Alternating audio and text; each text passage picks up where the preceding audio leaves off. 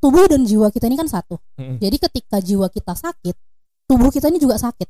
Di beberapa orang yang memang eh, mentalnya sedang tidak sehat, dia bahkan sulit untuk mikir apa sih yang aku banggain dari aku. Sering ngerasa kesepian, Oh. padahal nggak lagi sendiri gitu loh Iya, bang. iya. Kalau misalnya kita udah ngerasa nggak baik-baik aja gitu kan, jangan takut buat minta bantuan. Kalau misalnya untuk membahagiakan orang itu pasti itu jadi kebahagiaan juga untuk kita Iya. kan. Tapi jangan lupa juga untuk muaranya itu diri kita sendiri.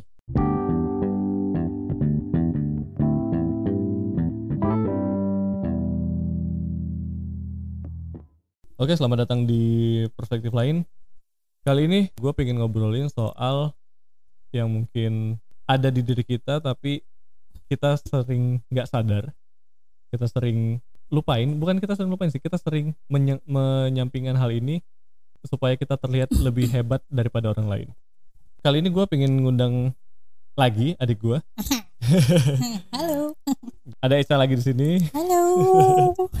Ya, Eca mungkin bisa eh, buat yang belum tahu mungkin bisa dikenalin.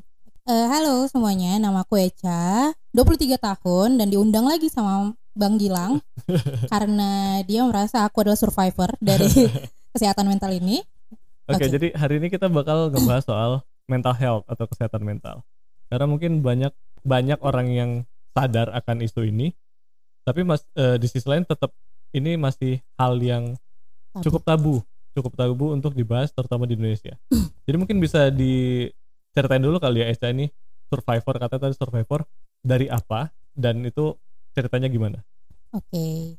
Mungkin sebelumnya disclaimer dulu, aku bukan expert di bidang ini, Bang. Hmm. Cuman aku cuma membagikan apa yang psikologku bilang dan Oke. apa yang udah aku riset aja, Mhm. riset mandiri.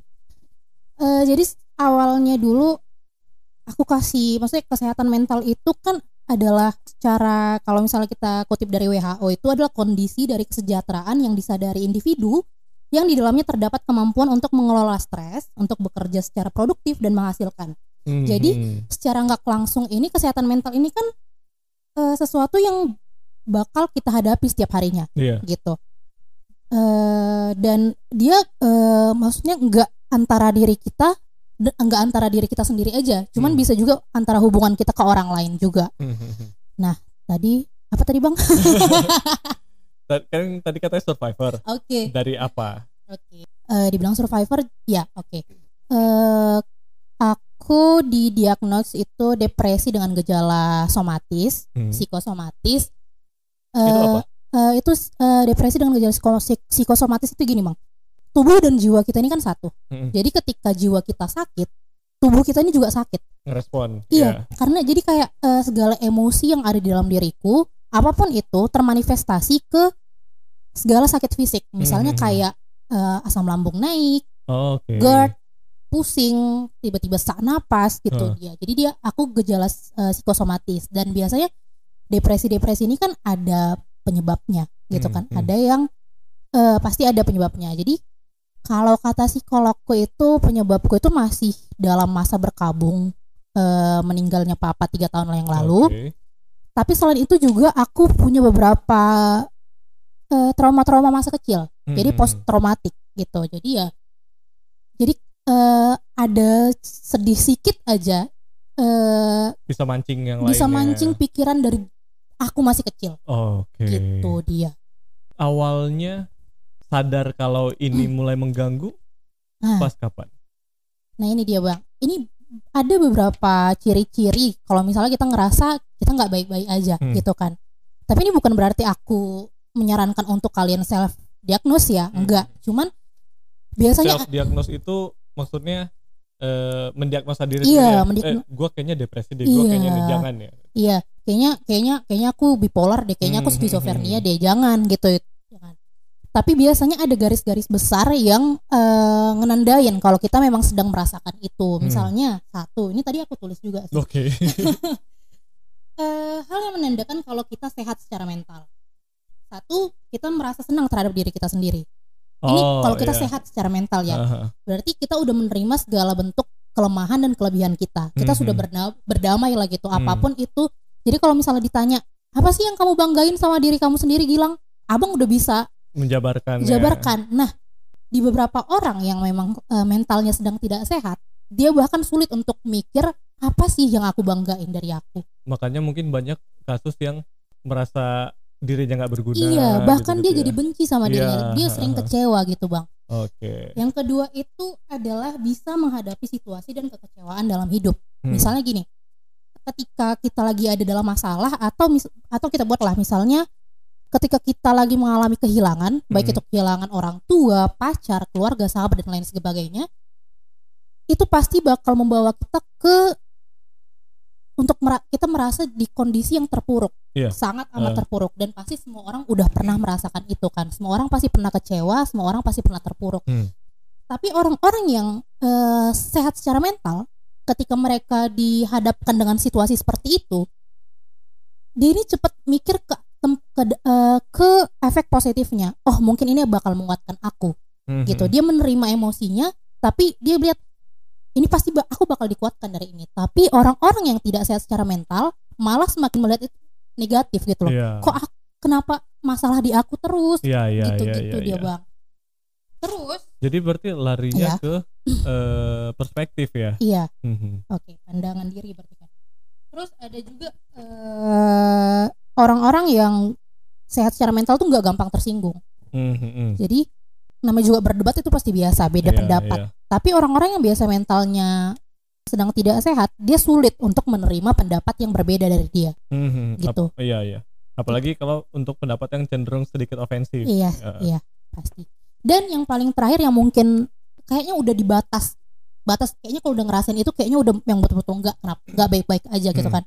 Yaitu sering ngerasa kesepian. Oh. Padahal nggak lagi sendiri gitu iya, loh bang. Iya, iya, iya. Padahal rame tapi kok aku ngerasa kesepian, tiba-tiba Mhm. sedih, apa segala Mhm. macam, nggak merasa merasa nggak cukup untuk orang lain atau untuk dirinya sendiri gitu bang. Mhm. Jadi kalau misalnya dan ini disclaimer lagi kalau eh, ini itu pola, po- pola berarti kan pola ini kan sifatnya berulang. Berulang. Jadi kalau misalnya udah ngerasain ini berulang, berulang, berulang dan kayaknya kok nggak berhenti berhenti ya gini-gini terus, Mhm. berarti memang harus untuk ngecek ke profesional gitu. Oh, Oke. Berarti Esa udah ngelakuin itu, udah Udah. ngecek ke profesional. Itu pertama kali harus eh, pertama kali nih mulai ngerasa kayak kayaknya harus ngecek ke profesional deh. Yang dilakuin apa sih? Apa langsung nyari? Apa konsultasi ke keluarga dulu? Oke. Nah, itu Bang. Eh kalau misalnya kita udah ngerasa nggak baik-baik aja gitu kan. Kan it's okay to be not okay kan. Mhm, mhm. Eh jangan takut buat minta bantuan.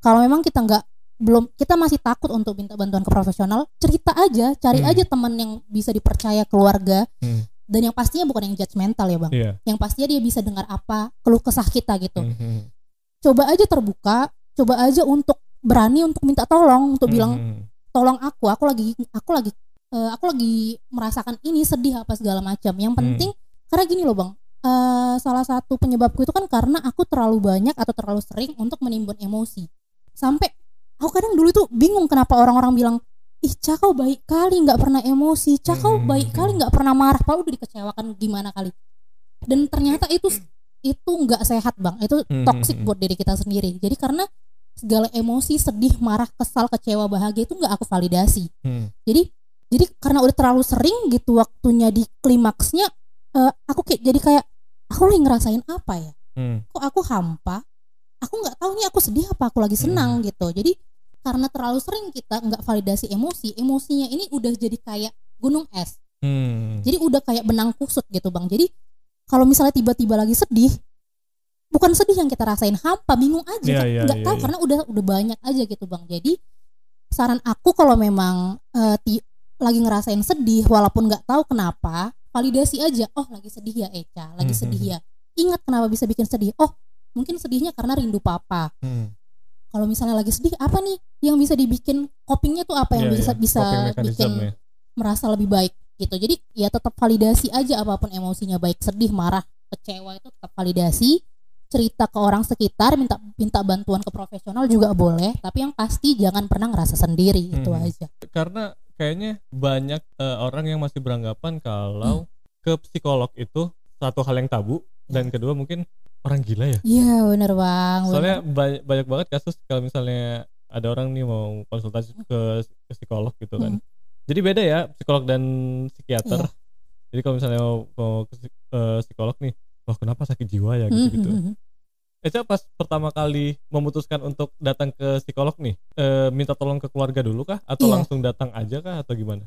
pertamanya itu aku eh, karena nggak tiga tahun ya aku ngerasa gini dan nggak ada yang tahu abang juga nggak tahu mama nggak ada yang tahu jadi aku tuh sering konsultasi tuh ke psikiater di halodoc dulu bang karena Oh. aku tak karena gini kan aku belum kerja aku belum punya biaya untuk ke psikiater yang tahu Mhm. lumayan kan harganya jadi dan beberapa kali tuh psikiater tuh bilang untuk aku konsultasi offline berarti Langsung, aku harus ke dokter karena eh, ini udah terlalu kompleks katanya dan Mhm. aku butuh terapi setelah itu karena kayaknya aku mikir gini nih kayaknya ini eh, keluarga harus tahu keadaanku jadi aku mulai terbuka dan rasanya tuh bang kalau misalnya ada yang eh, udah berani open ke kita tentang apa yang dia rasakan Hmm. tolong diapresiasi Iya. gitu karena untuk dia untuk sampai di titik itu aja aduh Effortnya. aduh bang ya luar biasa jadi kayak pertama kali cerita itu karena eh, kebetulan abang dan mama juga enggak concern ke situ Hmm. mereka tuh ngerasa kayak kenapa sih gitu kan Mhm. aku sampai bilang aku mau ke psikiater aku mau ke psikolog cuman mama itu bilang ngapain emang ada gila gitu Iya. omongan-omongan kayak gitu yang bikin makin ngedown Mhm. itu karena ya namanya juga orang tua nggak dapat edukasi ke situ Iya. kan bahkan ada eh, beberapa saudara tuh yang bilang kenapa sih? Padahal kayaknya kondisinya udah jauh lebih baik sekarang secara ekonomi atau secara apa. Iya, tapi iya. kenapa tiba-tiba depresi? Kenapa nggak bersyukur gitu? Terus dia mulai membandingkan tengok ini tengok ini Hmm. tengok kami dulu gini apa segala macam. Aku tuh pengen bilang gini loh bang. Kenapa banyak eh, generasi sekarang yang dia aware tentang kesehatan mentalnya? Ya maksudnya ya ya diapresiasi kalau misalnya Mhm. generasi sekarang itu aware bukan dibilang juga kalau generasi dulu itu nggak nggak nggak ada depresi pasti ada tapi mereka nggak aware Iya. jadi karena mereka tidak aware mereka menciptakan generasi-generasi yang depresi Iya, lagi gitu benar, bang benar, benar. karena mereka sendiri nggak healing dari kesedihan Iya, ah. mereka gitu karena mereka nggak aware atau nggak ada edukasi tentang itu jadi ya kalau misalnya banyak generasi sekarang yang udah aware tentang kesehatan mental ya bagus, Bagus, sebenarnya ah. sangat bagus gitu. Jadi sebenarnya kalau misalnya orang yang udah mulai ngerasa nih eh ada yang berbeda dari diri dia Hmm. gitu. Yang harus dilakuin pertama apa? Langsung konsultasi. kalau misalnya memang enggak punya teman untuk cerita aku pikir memang ya konsultasi aja soalnya gini bang biasanya eh, psikolog atau psikiater juga menyarankan kita untuk konsultasi atau terapi kalau keadaannya ini udah mengganggu kita jadi kalau misalnya kalau depresi atau stresnya ini udah buat kita insomnia nggak Hmm, tidur oh, meng- tidur mengganggu kegiatan. iya mengganggu kegiatan atau ada sakit secara fisik Hmm, ada hmm. halusinasi atau apa pun segala macamnya iya itu harus ke profesional cuman kalau misalnya masih sedih sedih sedih yang berkelanjutan mungkin cerita aja eh, coba But- cerita butuh dicurahin Iya. aja ya. coba dicurahin aja emosinya kalau memang masih juga seperti itu atau mungkin lebih parah atau mengganggu aktivitas Hmm. eh, yaudah boleh ke profesional gitu untuk diobati lagi Jadi sebenarnya kalau menurut Esa sendiri ya, pendapat orang sekarang nih yang ke psikiater atau psikolog itu hal yang tabu nih, hmm. hal yang ini. Sebenarnya itu harus di apain sih? Har- bukan di apa ya, ha- harus apa apa yang salah gitu. Iya, aduh, sebenarnya nggak bang, kenapa kesehatan mental tuh sama kan? Kayak kesehatan fisik? Hmm. Ya kalau misalnya sakit ya ke dokter, iya. Masa sakit didiamin? Ya makin Hmm, sakit hmm, kan hmm, bang. Jadi tuh pasti, atau ibaratnya kayak misalnya flu nih. Hmm. ah masa gini aja flu lihat aku hujan main hujan kemarin berarti sama aja kan kayak Iya. kasus yang tadi dong ah, ah masa harusnya bersyukur Iya. gitu sama aja dong berarti ya harusnya bersyukur. Aku sampai demam lagi iya gitu. harusnya gitu berarti itu sama tuh ya Ya nggak ada jalan keluarnya kan. iya Jadi ya, benar-benar ya kalau memang secara mental sedang nggak sehat, ya memang harus cari ke profesional, harus berobat ke dokter atau ke psikolog gitu. Karena Mhm. kadang gini bang kapasitas tiap orang kan beda-beda Iya. mungkin kayak abang kita atau teman sahabat pacar kita nggak punya kapasitas seperti itu Hmm, yang bisa hmm, membuat kita lebih tenang gitu kan. Soalnya untuk orang yang mengalami ini mereka biasanya cuma butuh didengar iya benar. nggak butuh dijudge Iya, nggak butuh dikasih nggak saran. butuh saran juga. mereka Nah. cuma butuh didengar biasanya. Nah jadi ya aku pengen aku berharap kali gitu kan eh, semoga semakin banyak orang-orang yang aware dan nggak ngejudge orang yang kalau mau ke psikolog atau psikiater itu dia gila bahkan kalau misalnya dia semakin lama nggak ke profesional dia memang beneran bisa gila Iya. gitu bang udah di tahap paling ditahan. akhir gitu jadi karena ya, numpuk ya kalau memang dia sudah aware oh aku lagi nggak baik-baik aja apresiasi dan sarankan Bantu. aja langsung ke profesional gitu Oh, terakhir nih eh ada ini gak sih tips atau saran atau apa apa segala macam dari Eca untuk orang-orang supaya lebih aware sama kesehatan mentalnya sendiri karena Hmm. mungkin kayak sekarang banyak orang yang eh, mementingkan kebahagiaan orang lain. Nah, Sementara, eh, kebahagiaan dirinya sendiri kayak ah nanti aja. Iya iya iya. apalagi banyak anggapan yang keba- sumber kebahagiaan gue adalah membuat orang lain Iya, bahagia iya, gitu iya. kan. Sebenarnya penting gak sih untuk bikin diri sendiri bahagia? Sangat penting. Eh kayak love yourself first gitu bang. Mm. jadi ya eh, berterima kasih aja sama tubuh kita berterima kasih aja. Misalnya kan bisa aja banyak orang depresi juga gara-gara diejek secara fisik Mm, gitu dia mm, sering mm. insecure gara-gara itu sepele memang cuman kan mental setiap orang beda-beda Iya. kan bang jadi gini aja eh bersyukur aja sih berterima kasih sama tubuh kita udah ngantarkan kita sampai sekarang udah ngantarkan kita ke banyak pengalaman yang di mana pengalaman itu ngebentuk kita sekarang Mm. dan buktinya kita masih bertahan jadi jangan lupa untuk apresiasi apresiasi dan cintai dulu diri kita Hmm. berterima kasih terima segala kelemahan dan kelebihannya kalau misalnya untuk membahagiakan orang itu pasti itu jadi kebahagiaan juga untuk kita Iya. kan tapi jangan lupa juga untuk muaranya itu diri kita sendiri Hmm. walaupun katanya orang tua pasangan abang saudara segala macam pada akhirnya kita cuma punya diri kita sendiri Iya. gitu jadi ya treat yourself better gitu tetap aware juga kalau memang merasa sedih validasi sedihnya kalau merasa marah validasi marahnya dan jujur sama diri sendiri Iya. ya jangan lupa sering berterima kasih ke Tuhan karena masih bertahan dan ke diri sendiri juga Hmm, hmm, gitu hmm. masih ber aku, kadang aja aku mikir bang aku masih bertahan sampai sekarang aja aku udah hebat gitu Hmm, hmm, karena beberapa kali mikir untuk mati aja gitu Hmm, hmm. udah saking gak kuatnya cuman kan buktinya aku diantar sampai sekarang dengan banyak pengalaman yang aku rasakan dengan banyak pembelajaran yang ngebentuk diri aku se- sekarang seperti apa aku hebat gitu jadi ya jangan lupa berterima kasih sama diri sendiri Hmm. walaupun menyenangkan orang lain juga penting tapi jauh lebih lebih penting untuk mencintai diri kita sendiri dulu. Karena percayalah kalau misalnya kita berhasil mencintai diri kita sendiri kita sudah berhasil mencintai orang lain gitu. Oke. gimana kita bisa mencintai orang lain kalau Sama kita belum sendiri. selesai sama diri sendiri? Benar benar benar benar. Gitu. Iya iya. Oke. Thank you banget Eca Bang. sharingnya. Wah oke. berat banget ini daging semua thank you banget juga semua buat yang udah dengerin. Jangan lupa dengerin perspektif yang lain. Bye. Bye